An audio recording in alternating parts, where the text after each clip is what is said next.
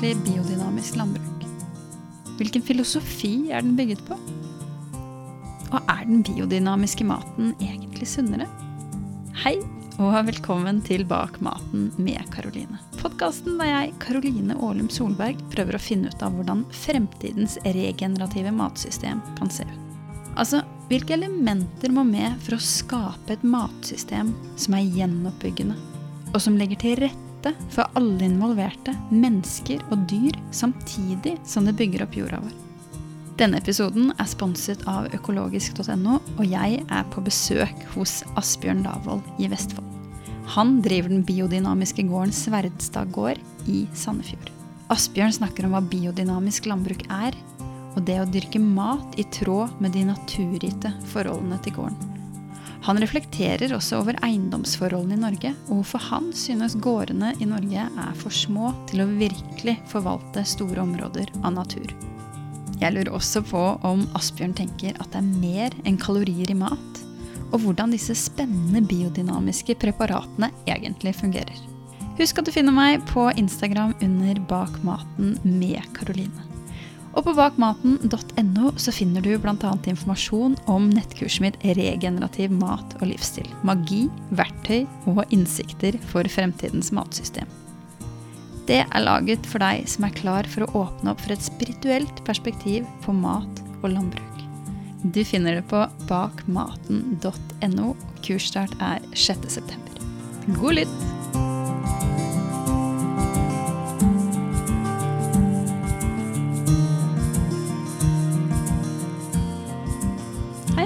Velkommen på podkasten. Ja, tusen takk. Du, Vi skal jo snakke om eh, biodynamisk landbruk i dag. Og du driver jo eh, en biodynamisk gård. Men jeg lurer på om vi kunne begynne litt sånn eh, Hva er egentlig biodynamisk landbruk for noe? Eh, ja, det er vel en av de En av de få En av de første, da. retningene innen alternativt landbruk. Det var vel en del forskjellige eh, mennesker som eh, reagerte på den veien eh, industrilandbruket tok rundt eh, århundreskiftet 1900, eh, fra 18 til 1900, når etter hvert som det kom mange innsatsmidler i landbruket. Da. Eller kan si landbruket ble industrialisert på en forsiktig måte. Det var en litt, sånn litt desperat mangel på, på gjødsel, gjødselstoffer for å få store nok avlinger til å kunne forsyne store byer med mat. Og, og transport var vel vanskelig og sånn, så det ble vel forskjellige, forskjellige eh, triks som ble brukt for å, for å øke matproduksjonen. Og ikke alle de falt så veldig heldige ut. og, og Og kunstgjødsel var en av de tingene som ja, kom i kjølvannet? Ja, den kommer etter hvert. da. Den, altså den, den, den liksom eh, syntetisk framstilte gjødsla den kommer vel ikke før ut, eh, utover på 19, begynnelsen av 1900-tallet. Så, så hele den innretningen av et landbruk til å forsyne eh, store befolkninger med mat, den hadde liksom forskjellige konsekvenser som mange reagerte på. da. Og da, da kom det forskjellige retninger med alternativt landbruk og mer naturlig måte å drive landbruk på. Det var selvfølgelig store spørsmål hvordan skal et riktig landbruk være. Og, og da, da, da var det én retning som, eh, som etter hvert fikk navnet biodynamisk landbruk, som, eh, så, som eh, kom etter at man eh, at, at eh, Rudolf Steiner, som var en sånn eh, kan vi si en selvfølgelig omdiskutert, men også en, en, en mann som hadde synspunkt på mange sånne praktiske spørsmål. Han, han holdt en, en, del foredrag om landbruk. Og ut fra det eh, ganske radikale synspunkter da, på, på et landbruk, så, så oppsto det som en slags landbruksretning. Og så var det også andre landbruksretninger, noe ble kalt organisk-biologisk, som hadde liksom sine kjepphester. Og, og, og, da eh, oppsto det biodynamiske landbruket, da, rundt eh, ja, 1925. Og, og fram mot eh, annen verdenskrig så hadde det landbruket ganske stor eh, utbredelse, hadde ganske gode resultater. Og, og, og var liksom en, en faktor i landbruket, da, som, eh, når det gjaldt landbruk, utviklingen av landbruket, av det moderne landbruket. Og hva er dette, dette, denne retningen bygga på? Ja, det er jo jeg kan si En grunntanke der er vel det at, eh, at, eh, at enhver gård har på en måte sin personlighet som det gjelder å utvikle. da. Som, eh, og det, den personligheten er jo de, delvis størrelsen på gården og klima og, og, og, og hva slags jord det er, og mange sånne lokale forhold som på en måte må tas hensyn til og optimaliseres og forstås da, av den som driver gården.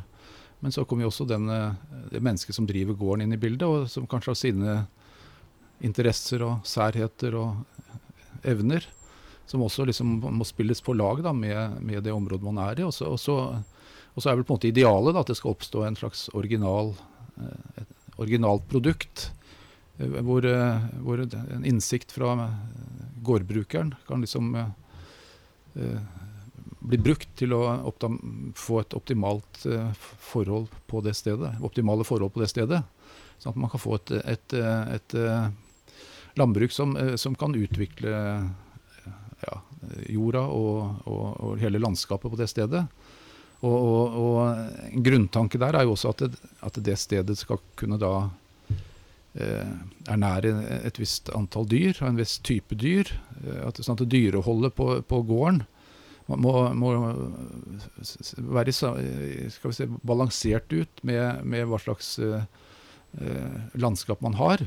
Og så skal de dyra igjen kunne gi den gjødsla som jorda trenger. Da. Så det er en, på en måte en, ja, det er en slags vitenskap når man holder på. En slags veldig enkel og, og primitiv vitenskap på en mm. måte, men samtidig så er det, det er ikke så mange som kan hjelpe bonden der. Han må liksom finne ut det sjøl. Og, og, prøve seg fram og, og prøve å, å, å, få det til å bli, fungere da, på best mulig måte. Jeg opplever jo at, eh, at, veldig mange av de tingene du snakker om nå, og kanskje spesielt hvordan man bruker dyr i landbruket, har blitt helt glemt i det moderne landbruket. Kan ikke du fortelle litt om hvilken rolle dyr egentlig bør ha i et landbrukssystem? For nå har vi jo på en måte dyr veldig isolert, og ikke en del av et agroøkosystem. da. Nei, det er jo, det er jo liksom drøvtyggerne som er eh, hovedelementet da, i, en, i, å få en sånt biologisk system til å fungere. Og, og det, er, det er liksom to ting. Det er, det er, det å kunne dyrke kløver, eller belge, belgevekster. Eh, og så er det det å ha drøvtyggere. Det er liksom de to Det er liksom hoved... Fortell litt om, hoved. om hver av de to. Hvilken funksjon de har. Ja, det er jo det, er jo det som han sa, han eh, Karlsson i Hemsøboerne eh, til Strindberg. At eh, når han kom som en slags Eh, landbruksreformator ute på den eh, øya. At her er det jo en vekst, vi må jo dyrke kløver. For den, eh, den, jo, den skaffer seg jo næring ut fra lufta, sa han. Og folk lo og, og trodde han var gal. Men det er jo det Og så vet vi at det er det den gjør. Det er det den gjør, da. Kløveren og, og ertene og bønnene. Så så det at man kan skaffe nitrogengjødsel ved hjelp av, de belgvekstene, det er selvfølgelig veldig flott. Og så er det jo enda finere da, at det proteinrike produktet man får når man dyrker de, det er jo et ideelt fôr for eh, drøvtyggere. Eh, som da gir gjødsel, og, på en måte også hjelper til å hente opp de andre næringsstoffene da, fra, fra, undergrunnen eh, i bakken. At man får inn fosfor og kalium og sånne ting gjennom de, og på en måte gjør de også tilgjengelig lettere da, gjennom at de kommer i gjødsla. Og så, når man da eh, gjødsler jorda etter hvert med den gjødsla over lang tid og har et vekstskifte, så vil også det på en måte jevne ut forholdene på gården. Så er det et sted det er kanskje lite kalium, da, si det at det er, man har noen skrinne sandrygger og sånn. Og så har man kanskje andre steder på gården som har, eh, har mer leirerik, leirerik jord. Så vil man jo eh, gjennom gjødsla da eh, få kalium da, som, eh, som, man kan, eh, når man gjødsler på sand, sandryggene, så, så, skaffer man på en måte gjødsel der, og så jevner man ut forholdene på gården. Så, så det, på, på, den måten altså at man eh, kan bruke belgvekst, belgvekstene som fôr til drøvtyggere, så får man et slags selvgående system, da, en slags vidunderfabrikk da, som på en måte kan produsere helt ut fra seg sjøl. Og det er jo eh, Så egentlig en hjørnestein i, i Ja, men det er jo også et brudd med, med vanlig kausal tenkning. Altså det, det, det, logiske er jo at man må Når man tar ut produkter hvert år fra en gård, så må man erstatte de. Det er jo liksom en vanlig eh, tenkning. Årsak-virkning-tenkning. Så derfor så virker jo Det kan jo virke som en rovdrift. Men der også kommer jo den eh, si, den, den, forståelsen som man må ha som gårdbruker. Da, å forstå det systemet. sånn at man ja, Hvis man har en sandjord, en skrinn, skrinn gård, så, så, kan man heller ikke ha så mange salgsprodukter. Man må ha kanskje da flere dyr. Per, det er da disse hektar. produktene du tar ut? ikke sant? Ja, altså Hvis man skal selge korn eller grønnsaker eller altså, mye melk for den saks skyld, så, så, fjerner man jo stoffer fra gården mm. eh, når man selger produktene. Og, og, og, da må jo gården være i stand til å på en måte erstatte de, de stoffene da, ut fra sin egen, eh, si, eh, sitt eget dagbrudd under bakken, hvor man på en måte frigjør stoffer. og Har man lite stoffer der, så kan man heller ikke selge så mye. Så det, det, det er jo, Har man en veldig feit svartjord med leirinnhold og, og, og dyp, dyp, jord, dyp matjord, så, så, kan man jo også innrette gården ganske annerledes og, og, og, uten dårlig samvittighet kunne selge ganske mye produkter fra gården. Da. Så det, jo, det er som en balansegang som hver, eh, hver, gård må finne, da, sånn at man ikke utarmer gården. Mm. Ja. Og Men, tilbake til dyra? Ja, nei, det, det, altså drøvtyggerne, hvordan, hva slags dyr man skal ha på gården, så er det jo da drøvtyggere. Og, og man må kunne si at selve urdrøvtyggeren, det er jo kua, da, melkekua. Så, så, har man eh, noenlunde gode forhold, så, så, er det vel naturlig for de fleste å, å, å bruke kuer som drøvtygger. Og den har jo den fantastiske egenskapen da, at den produserer melk, da, som er et liksom, veldig høyverdig eh, ernæringsprodukt. Eh, eh, på en si, veldig effektiv måte. Eh, ganske mye mer effektivt enn eh, en om man skal bruke den drøvtyggeren til å produsere bare kjøtt. Så man får egentlig en veldig verdifull eh, matvare ut, og ganske mye, mye, matvare da, i forhold til det man setter inn når man har melkekuer. Så det er på en måte den eh, opp, si, optimale eh, drøvtyggeren. Men så kan det være forhold på gården som gjør at det ikke egner seg så godt. Så kanskje man og det, det, kan jo være si, legningen til bonden òg, at man ikke orker så mye arbeid som det er å melke kuer to ganger om dagen, eller tre ganger om dagen, eller hva noen gjør. Så, så da, da, kanskje man må nøye seg med noen ammekuer da, for å gjøre det litt mer eh, enkelt. Eller så er det selvfølgelig landskapet som betyr en del. Så, så har, man, eh, har, man, mye bratte skråninger med, med, med kratt, og, kratt og, og, og, ting som kan spises av geiter, så må det være veldig fint. Mange, mange steder så passer jo geiter fint, og det er jo også en flott produksjon med melkegeiter. Og har man andre beiteforhold, så er kanskje sauer det riktige. Så det må vi jo liksom, det, Der er det liksom, ideelt sett iallfall, så er det jo landskapet som burde bestemme hva slags drøvtyggere man har. og og når det gjelder de andre dyra, så er, så er jo også høner og, og, gris det er jo på en måte noe som, eh, ja, som, er, som, også henger sammen med hva slags ting man kan dyrke på gården. Så, så en sånn tommelfingerregel der er, er vel at Eh, at man burde ha så mange høner som man har uh, avfallskorn. Hvis man driver kornproduksjon, så er det jo veldig flott å ha høner til å spise opp uh, småkorn og ugrasfrø og alt sånt som blir til, som et avfall i produksjonen. Da har man andre forhold med, med, mye skyller og sånt. Det, ja, sånn som hos oss. Da, så, også, også, nei, det er noe som man kjørte og samla inn i gamle dager da, for å ha til grisene. Det er også matavfall. Ah, ja så, så, har man mye matavfall. Det, det, jeg vet om noen som har nabo til en institusjon. Som, eh, som eh, da har selvfølgelig en del avfall. som Hvis det blir sortert ordentlig, så har man jo fort mange griser. Men, men i et sånt system så, så, så vil det også sies altså, Hvis man gjør det ideelt, så har man jo ikke mulighet for å ha så mye høner og så mye svinekjøtt som det som er litt blitt vanlig nå, da, når man har eh, uten hemninger satt i gang å bruke matkorn til fôr for uh, høner og griser. Mm. Sånn som man har i det store landbruket nå. Og tar det utenfra gårdens egen uh, ja, celle? Ja, det, det, er jo det, For de, de, kan ikke altså de, de dyreslaga kan ikke liksom opprettholde gjødseltilstanden på en gård. Eh, man kan ikke dyrke korn basert på de hønene man kan ha på en gård. Det, tror jeg, det er å løfte seg etter håret, altså. Og heller ikke svin. Det kan ikke ha da, da, må man liksom kjøpe inn fra andre, eller trikse på et eller annet vis, da. Så, mm. ja. Men jeg vet at eh, noen kan synes at biodynamisk eh, landbruk kan være litt ekstremt. Eh, kanskje spesielt det her med å opprettholde eh, eh, ikke mer enn liksom hva du klarer å produsere selv av fôr til dyra dine. Hva er tankene dine rundt det? Er det ekstremt? Eller er det realistisk? Kan alle drive sånn, eller? Ja, det som, eh, altså jeg, jeg, tror selve den biologiske produksjonen eh, eh er helt realistisk. Men, men, eh, det er helt klart at det blir vanskelig for, eh, for små gårder. Altså det, med den eh, kravet til effektivitet, og jeg vil si et helt legitimt krav til effektivitet i landbruket, ettersom teknikken har kommet som den har, med, med maskiner og, og og, og, forenkling av arbeidsoppgaver og sånn, så er det jo helt naturlig at gårdene blir større, og prisene synker jo. Det, det er jo en konsekvens av det. sånn at man får veldig lite for uh, produktene nå i forhold til når uh, gårdene var på 50-60 mål, eller 100 mål kanskje, en bra gård.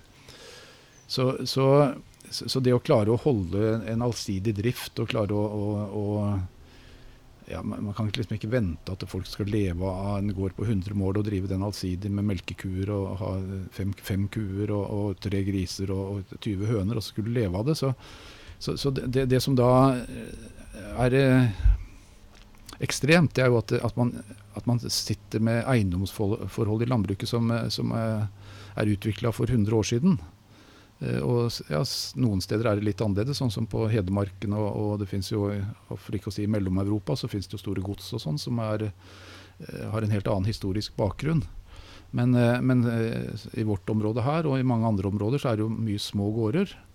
Og, og når da eiendomsforholdet er sånn at det, det, man må leie kanskje 20 gårder for, for, å klare å ha en, en normal drift, og, og det hele tida er forandringer og lang kjørevei og sånn, så blir det å, å kunne opprettholde en, en, en, gård som er så stor at man kan ha nok fôr og ha, bruke maskiner og, og ha liksom en, en framtidsretta investering på en sånn gård, det, det, blir veldig vanskelig da. Så, sånn sett så kan du si det er vanskelig å drive et allsidig landbruk. Det vil jeg si. Det, det er et, for mange et problem, tror jeg. Så, ja, og med allsidig så tenker du på eh, at, at, man på en måte dyrker noe mer enn bare korn, f.eks.? Ja, eller, eller, bare drive med bare, gris? Eller? Bare, eller bare med gris, ja. Og, og, eller bare med, med, kuer. sånn som det. Også, all sånn eh, moderne bedriftsøkonomisk tenkning, og selvfølgelig ut fra de forholdene som er, eh, eiendomsforholdene som er, så, så, blir det jo fristende da å, å spesialisere på en enkel produksjon. da. Som, eh, og, og, når det da er handel, og så enkelt å få tak i kraftfôr, det er jo bare å ringe etter en, eh, en, en trailer, så kommer det en sånn eh, tankbil med kraftfôr og blåser inn i siloen, eh, kraftfôrsiloen, så, så, så, er det klart da, og da, da, er det bare snakk om å skaffe spredeareal for uh, gjødsla. Så har man liksom en, eh, en, en, bedrift man kan leve av. Så, så det, sånn sett så, er man litt på en annen klode da, når man skal prøve å drive allsidig. Og, og, og trenger en, altså, det er jo en arealkrevende produksjon. Et, en, en gård med kuer og, og korn og grønnsaker. og og skal man ha det, hver av de produksjonene i en eh, størrelse som gjør at man får levert f.eks. poteter til en grossist eller grønnsaker til en grossist, da skal de helst komme og hente en, eh, en hel eh, lastebil av gangen. Og ja, da, det, da detter man helt ut, da. Og, ja. og, og, den, og da resultatet av det er jo at veldig mange små gårder de, de, de, blir på en måte litt sånn katt og kaniner-gårder. da. Så man, no, Hvis noen har intensjon om å drive landbruk, så, så må man kanskje ha jobb ved siden av. Og så har man en gårdsbutikk, og så har man litt sånn eh, noen hester på beit og noen kaniner og, og et par sauer, liksom, for ungenes skyld. Og så, kan jo det være økolo, økologisk og fint og koselig, men, men, det er jo ikke sånn man egentlig kan uh, forsyne altså det, blir, det blir jo lett en sånn man kan gjøre narr av det, da. Det har jo vært akkurat gjort det med, med, med, eh, med Miljøpartiet De Grønnes idealbonde. var jo eh, slått opp i avisa. Og det er jo sånn med en sånn gård, da. Som, som, ikke produserer egentlig noen ting, men er en koselig gård for de som bor der. Ja, ja, ja. Men det høres jo ut som eh, du har eh, At eh, en stor del av deg er litt idealistisk, mens den andre delen er veldig realistisk. Og i den podkasten her så er jeg jo på utkikk etter det jeg liker å kalle fremtidens regenerative matsystem og landbruk, da. Eh, hvordan, hvordan, ser det på en måte ut for deg? Du skisserte jo en, en god del ting her som kanskje ikke, ikke fungerer så godt. Uh, ja. Uh, altså vi har jo sjøl her på gården da, et sånt alternativt matsystem med, med andelslandbruk. Og, og, det har vi holdt på med i, i syv år nå. Og da vi starta med det, så må jeg si jeg var ganske skeptisk.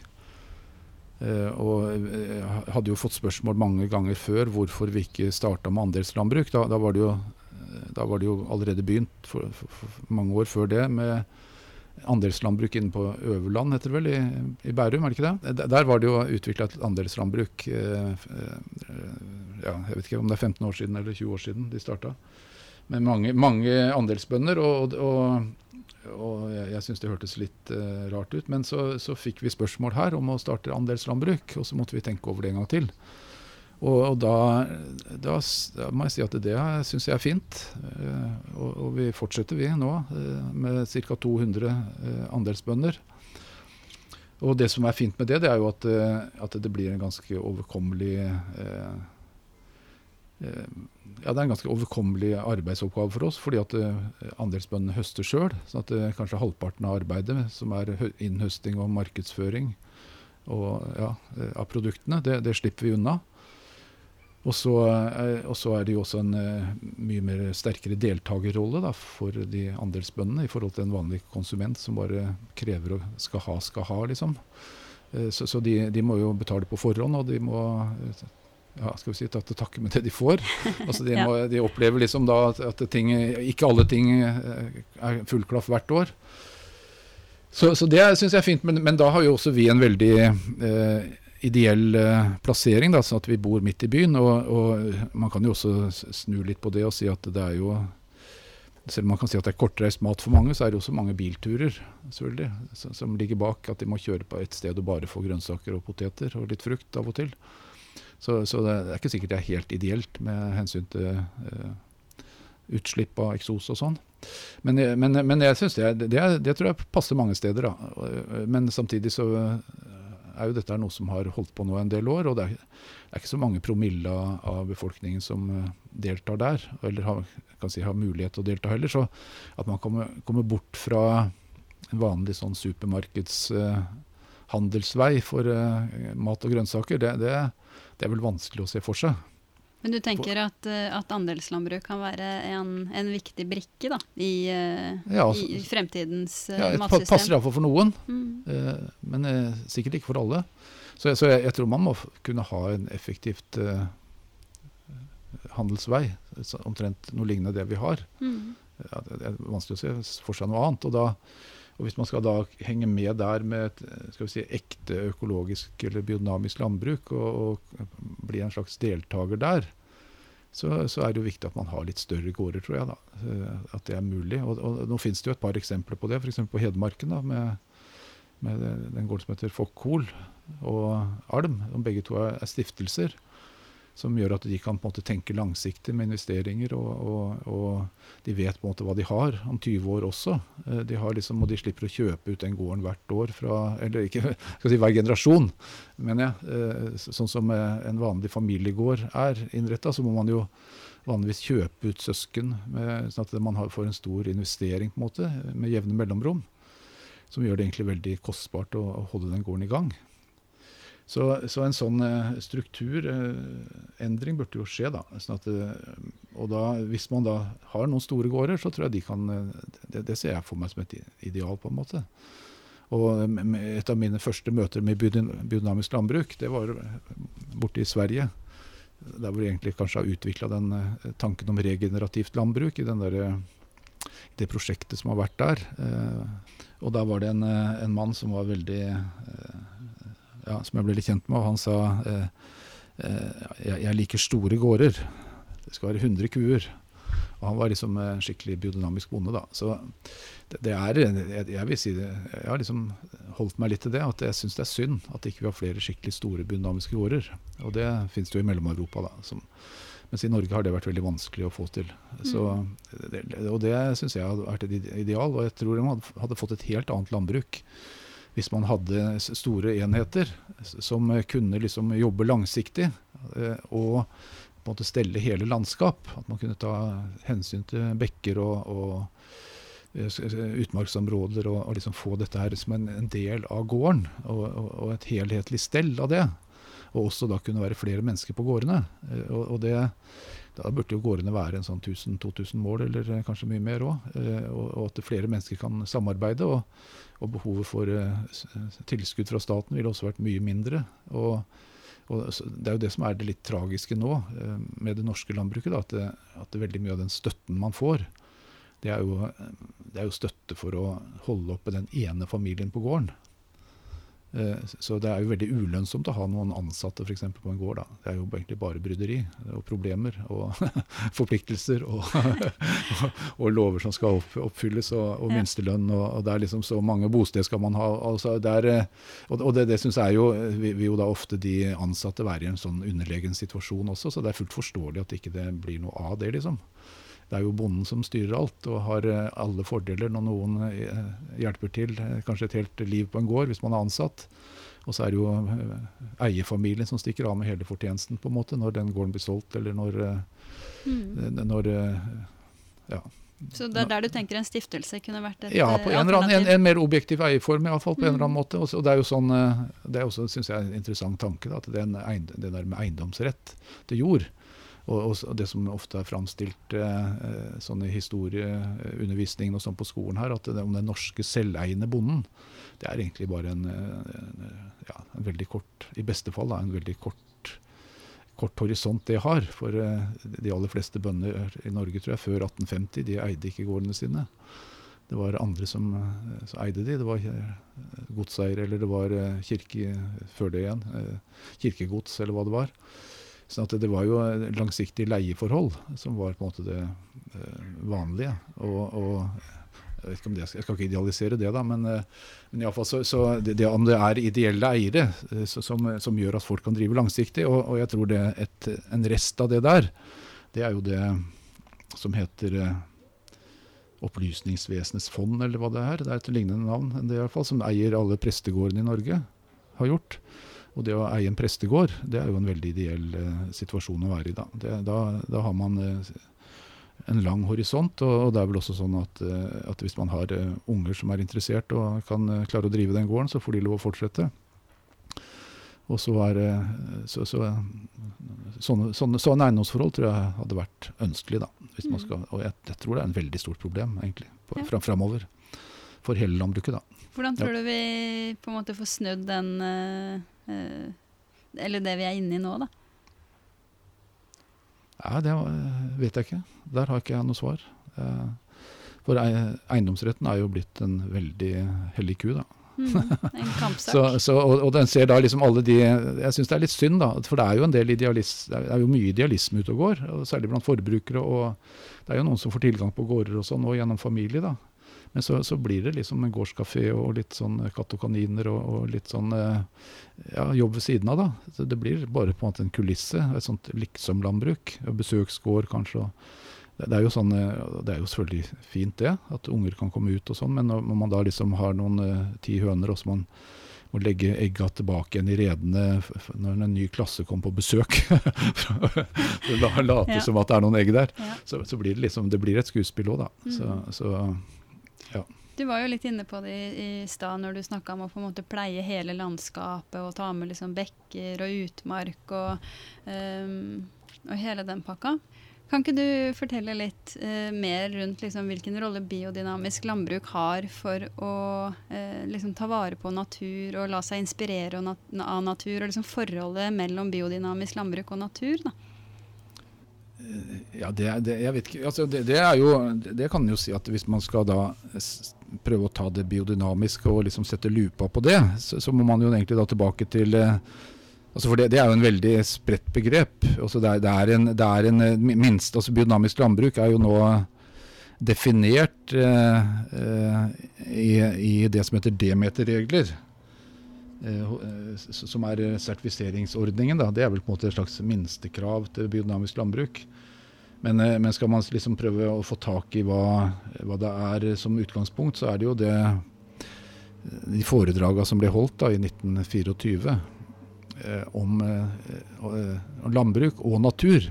Rudolf Steiner eh, i, i, på et gods da nedi, på grensen mellom Tyskland og Polen. Det var vel egentlig det var i Tyskland eh, på den tida, og ligger i Polen nå.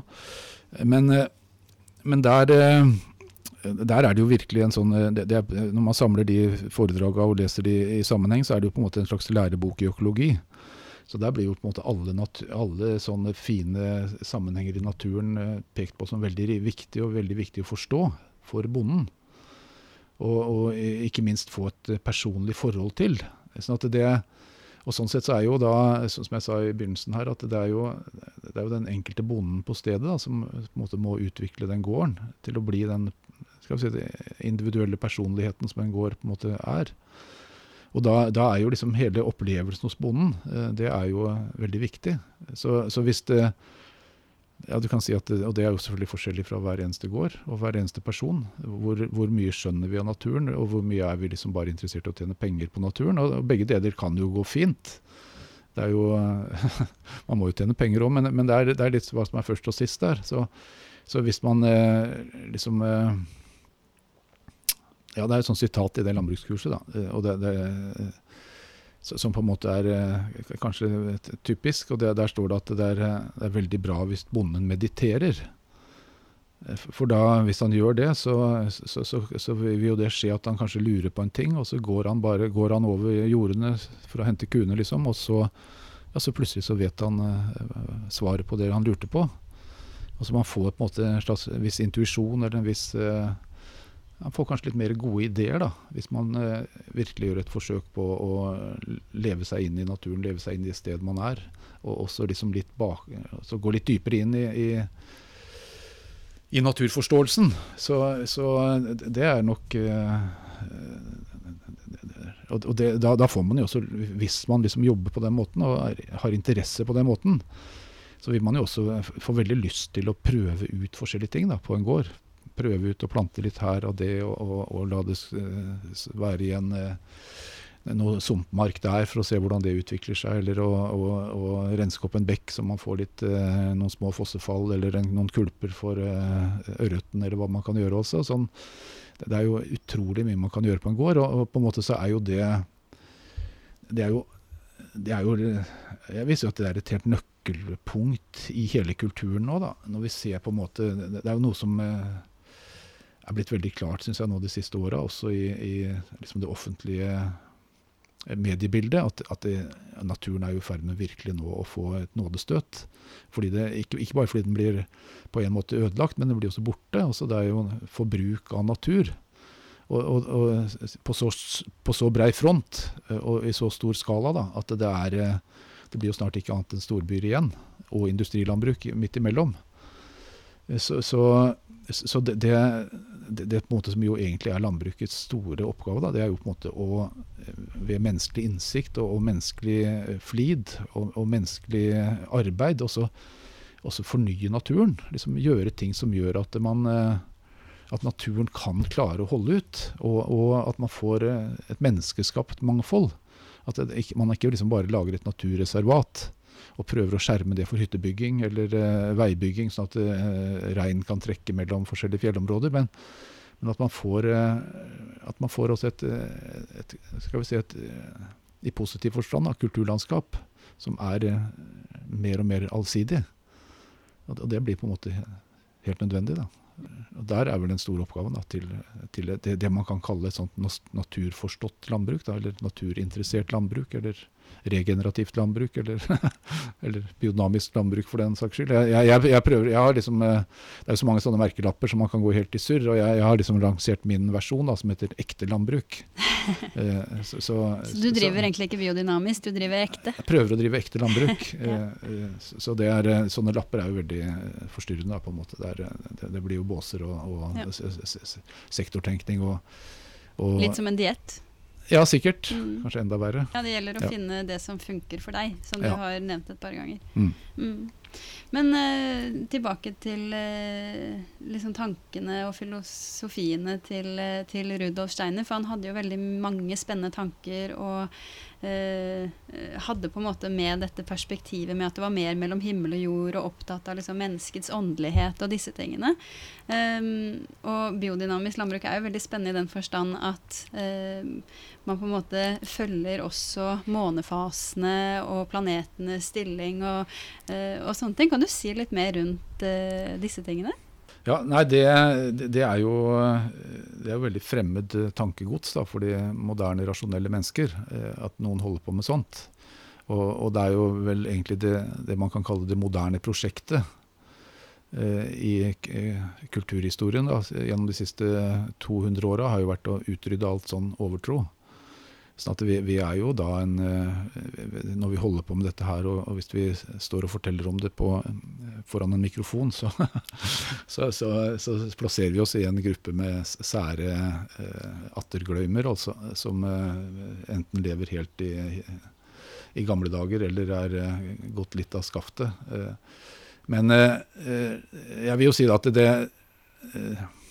for, for meg, iallfall for mitt synspunkt, så er jo hoved hovedgrepet med et eh, biodynamisk landbruk, det er jo på en måte innretningen av gården. Og det, det, det er på en måte det vi har jobba mest med her. Da, at vi prøver å få en sånn selvforsynt gård. og Få et vekstskifte som fungerer. Og, og få, finne ut hvilke vekster vi skal ha, og hvor, hvilke, hvor, mange dyr vi kan ha, og hvordan vi skal behandle gjødsla. Det fysiske, på en måte? Ja, det er på en måte i hvert fall å, å, ja, det, det, grover, det, jeg kan si Vi jobber med de grove rammene. og det, det som eh, Ja, det som er eh, eh, Ja, som på en måte er en forutsetning da, for at man skal få alle de der litt finere tinga til å være noe vits i. For det er klart at sånn som månefaser det, det, det, er jo, det, er jo, ikke grove virkninger, det er jo utrolig fine virkninger. Selv om det er man ser det på høyvann og lavvann. Og, og, og nå med fine måleinstrumenter så er det visstnok til og med mulig å måle da hvordan knopper på en måte står og pulserer når man har sånn elektroniske mikromåleenheter, så kan man se hvordan eh, visse typer knopper står og pulserer etter, eh, etter eh, forskjellige planetfaser. Eh, så, så, det er jo virkninger. Men, eh, men, hvordan vi skal nyttegjøre oss dem, og, og, og, hvor mye det har å si, det, det er vel eh, på en måte vanskelig å slå i bordet med håndfaste ting der. Men samtidig så vet vi jo det at det er eh, plutselig et år så vokser noen ting veldig godt. Og eh, det finnes nesten ikke ugras, og andre år så er det én type ugras som tar helt overhånd når man har harva på ett tidspunkt. Og har man uh, hatt en annen del av jordet med jordarbeiding uh, 14 dager seinere, så spirer ikke et eneste ugras. Og Det samme er med spiring av, eller veksten av forskjellige uh, kulturplanter. at det, det, er, det, er, mange ting der vi, som er overraskende overraskelser. da, Mange, mange overraskelser. Og, og, og som hvis, kanskje har med disse tingene ja, som kanskje har med disse tingene. Og noen, noen mer klarsynte har jo da klart å lage tabeller og sånn, og, og forska på det. da, og, og Senest nå så, så jeg et innslag med rødbetdyrking fra Danmark, hvor de hadde brukt en sånn uh, månetabell det var uh, en sånn, eh, en sånn uh, hagebruksforening, altså bare sånne amatører da, som hadde sine egne kjøkkenhager, som hadde da tatt den tabellen på alvor, og halvparten hadde fulgt råda i, i, i såtidstabellen.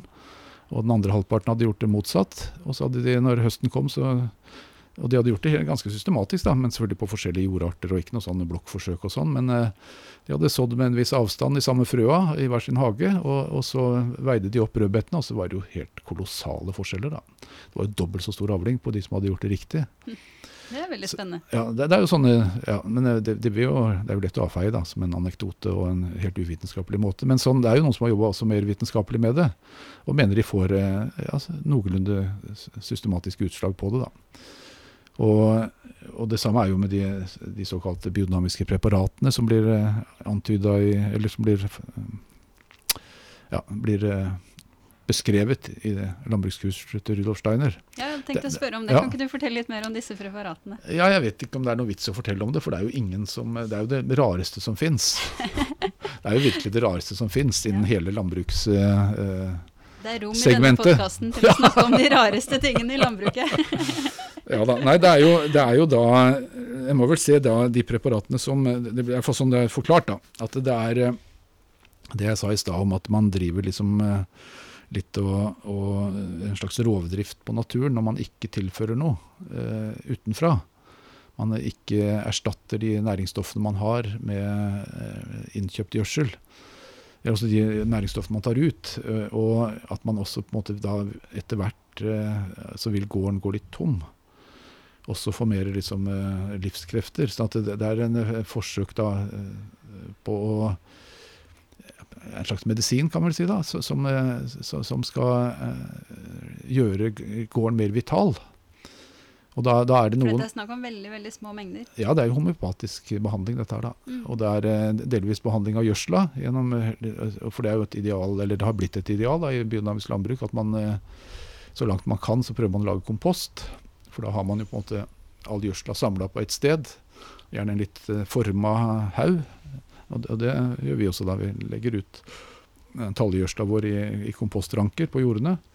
Og så kan man da behandle på en måte den gjødsla, som, og der er det jo en voldsom aktivitet. Altså det jo, blir jo kanskje 50-60 varmegrader eh, etter man har lagt opp en sånn haug.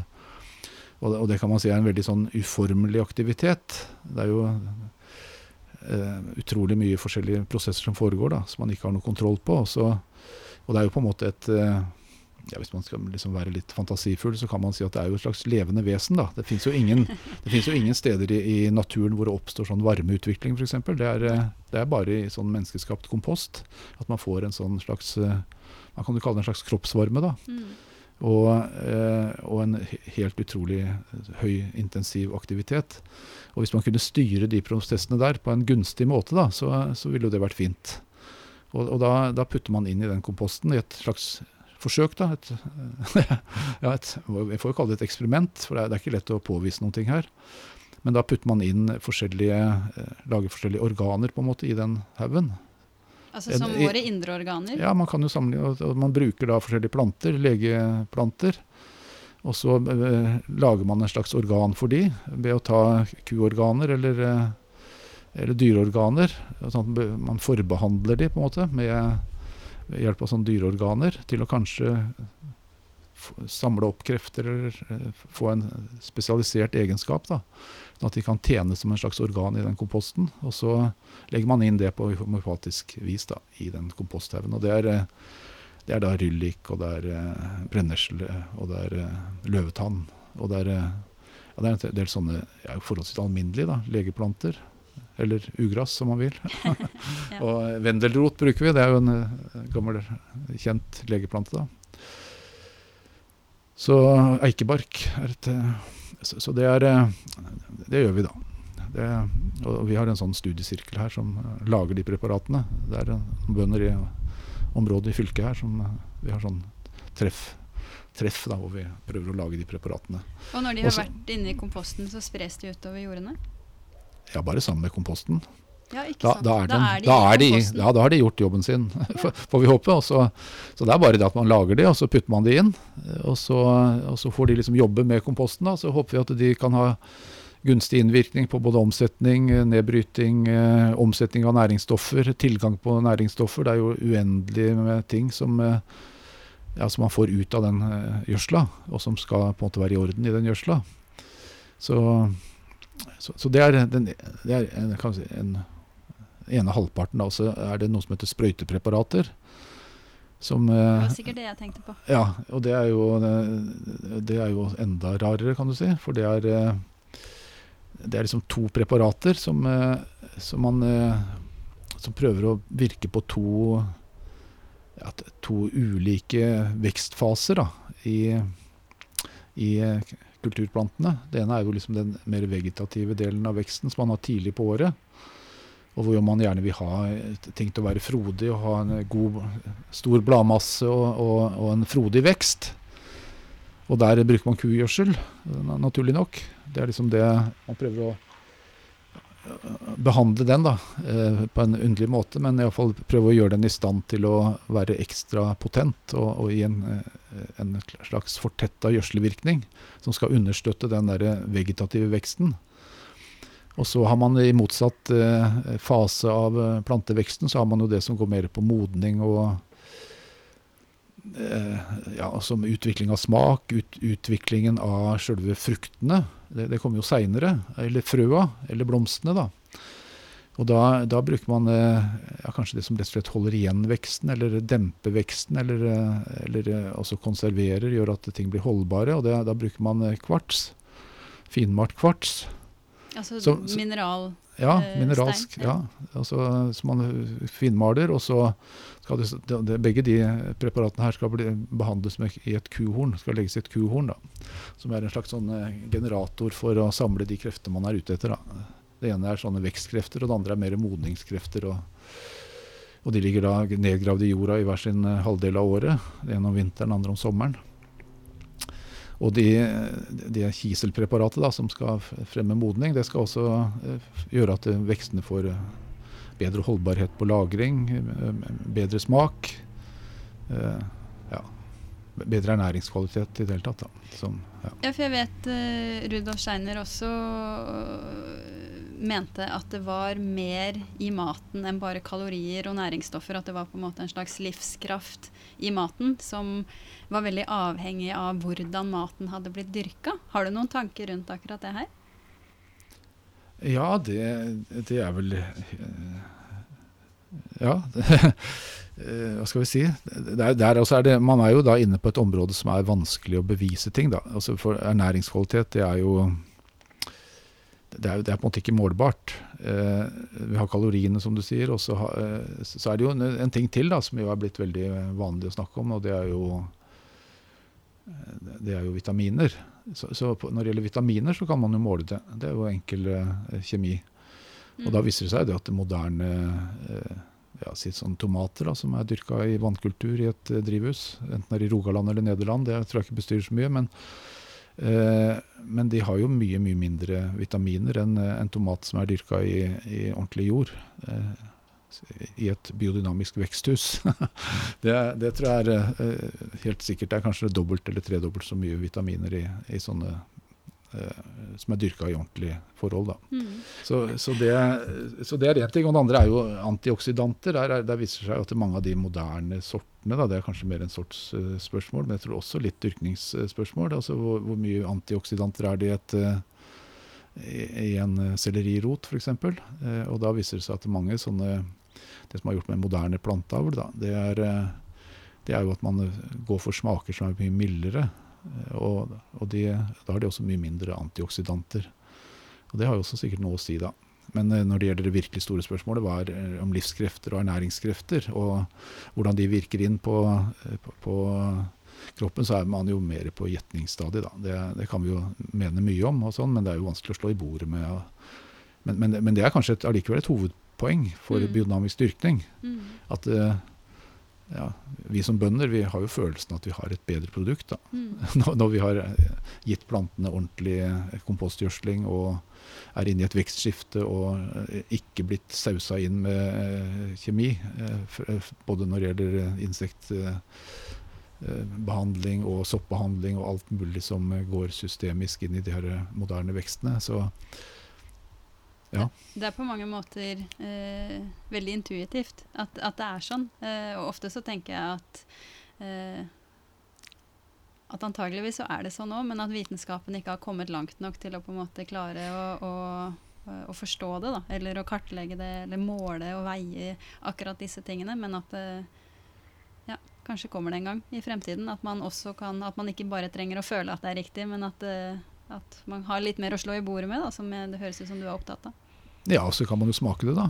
Det er jo, det er jo mange som klarer det fint. Man, ja, det tror jeg til og med jeg klarer. Å kjenne forskjell på en potet som er eh, hvordan, hvordan den er dyrka. Mm. Eh, og ikke minst så er jo det noe som slår ut nå da, på eh, det som alle er opptatt av. Ingen er så veldig opptatt av akkurat potetsmaken eller smaken på en rødbet. Men når det kommer til vin, så er jo det en hel vitenskap. Og det er jo det som alle snakker om. alle moderne mennesker. De er jo vineksperter. Ja. Så, så, det å, og, og da er det jo interessant at det, veldig mange av de beste vinene er jo enten så har de det med et merke på seg, eller så har de det, allikevel blir det dyrka sånn. Mm, altså, noen de noen syns det er kanskje litt pinlig da, å snakke om de preparatene, og sånn, så de ja. skriver ikke på flaska. Men, eh, men, eh, men, det er jo interessant, for der er det jo virkelig ekspertise ute og går. og, og og, det, det, er jo opplagt en forskjell, da. Så mm. der er, jo, der, er det, der er, kanskje den vitenskapen i ferd med å utvikle seg, som du etterlyser. Da. Så når man kommer like langt med rødbet og, og pastinakk, så, så, så, er det kanskje en selvfølge å ta de produktene som smaker best. Da. Og da kan du ha det merket Får vi se da hvilket merke som står på. Mm. Om det er godt norsk, eller om det er Demeter. Det, ja, da må ja. frukt og grønt få like høy status som vin. Ja, ja. Det er det jeg mener. Mm. Eh, jeg har lyst til å, før vi før vi avslutter, så har jeg lyst til å komme litt tilbake på, um, på dette liksom sosiale aspektet ved, ved gården. Eh, og på hjemmesidene til Biodynamisk forening så står det gården ses på som en levende organisme som kan gi plass til mange mennesker og utvikle, u og utvikle ulike arbeidsformer, både mellom gårder og forbrukere. Mange gårder søker å være en pedagogisk arena for barn og unge voksne den er et viktig alternativ til de tause gårdene der monokulturen råder. Hvorfor tenker du det er viktig? Uh, ja, det er jo uh, jeg, jeg, tror det er viktig fordi at biodynamisk landbruk, uh, som Biodynamisk forening selvfølgelig jobber for, de er jo også en del av den samme bevegelsen som gjerne vil utvikle nye sosiale forhold i verden. Og da, klart, da har det jo lenge vært en tanke der eh, eh, at, eh, at et gårdsbruk det, det, er jo på en måte en slags urcelle som eh, kan være et kimsted for akkurat nye sosiale forhold. Og, og da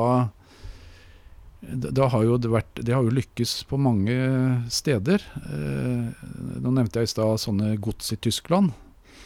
Eh, som har, har forskjellige eh, ja, På forskjellig bakgrunn så har de så har de kunnet drive langsiktig og, og, og utvikle store, ja, ganske store fellesskap da, av mennesker. For de har jo lite kanskje mindre eh, støtte til sånn enkeltfamilie som man har i Norge, på gården.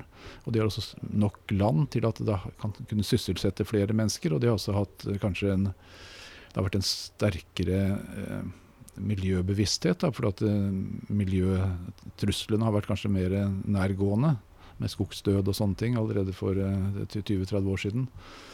Som gjorde at folk begynte å handle økologisk eller biodynamisk.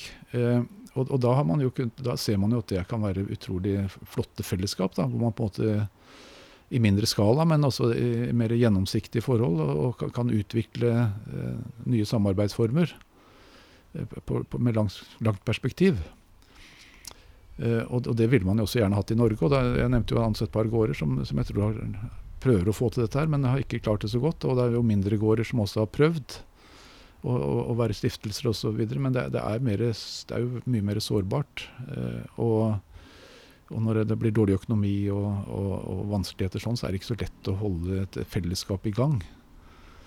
Så, så, så det er, men eh, Biodynamisk forening har nok det med i sin, eh, i sin eh, bestrebelse.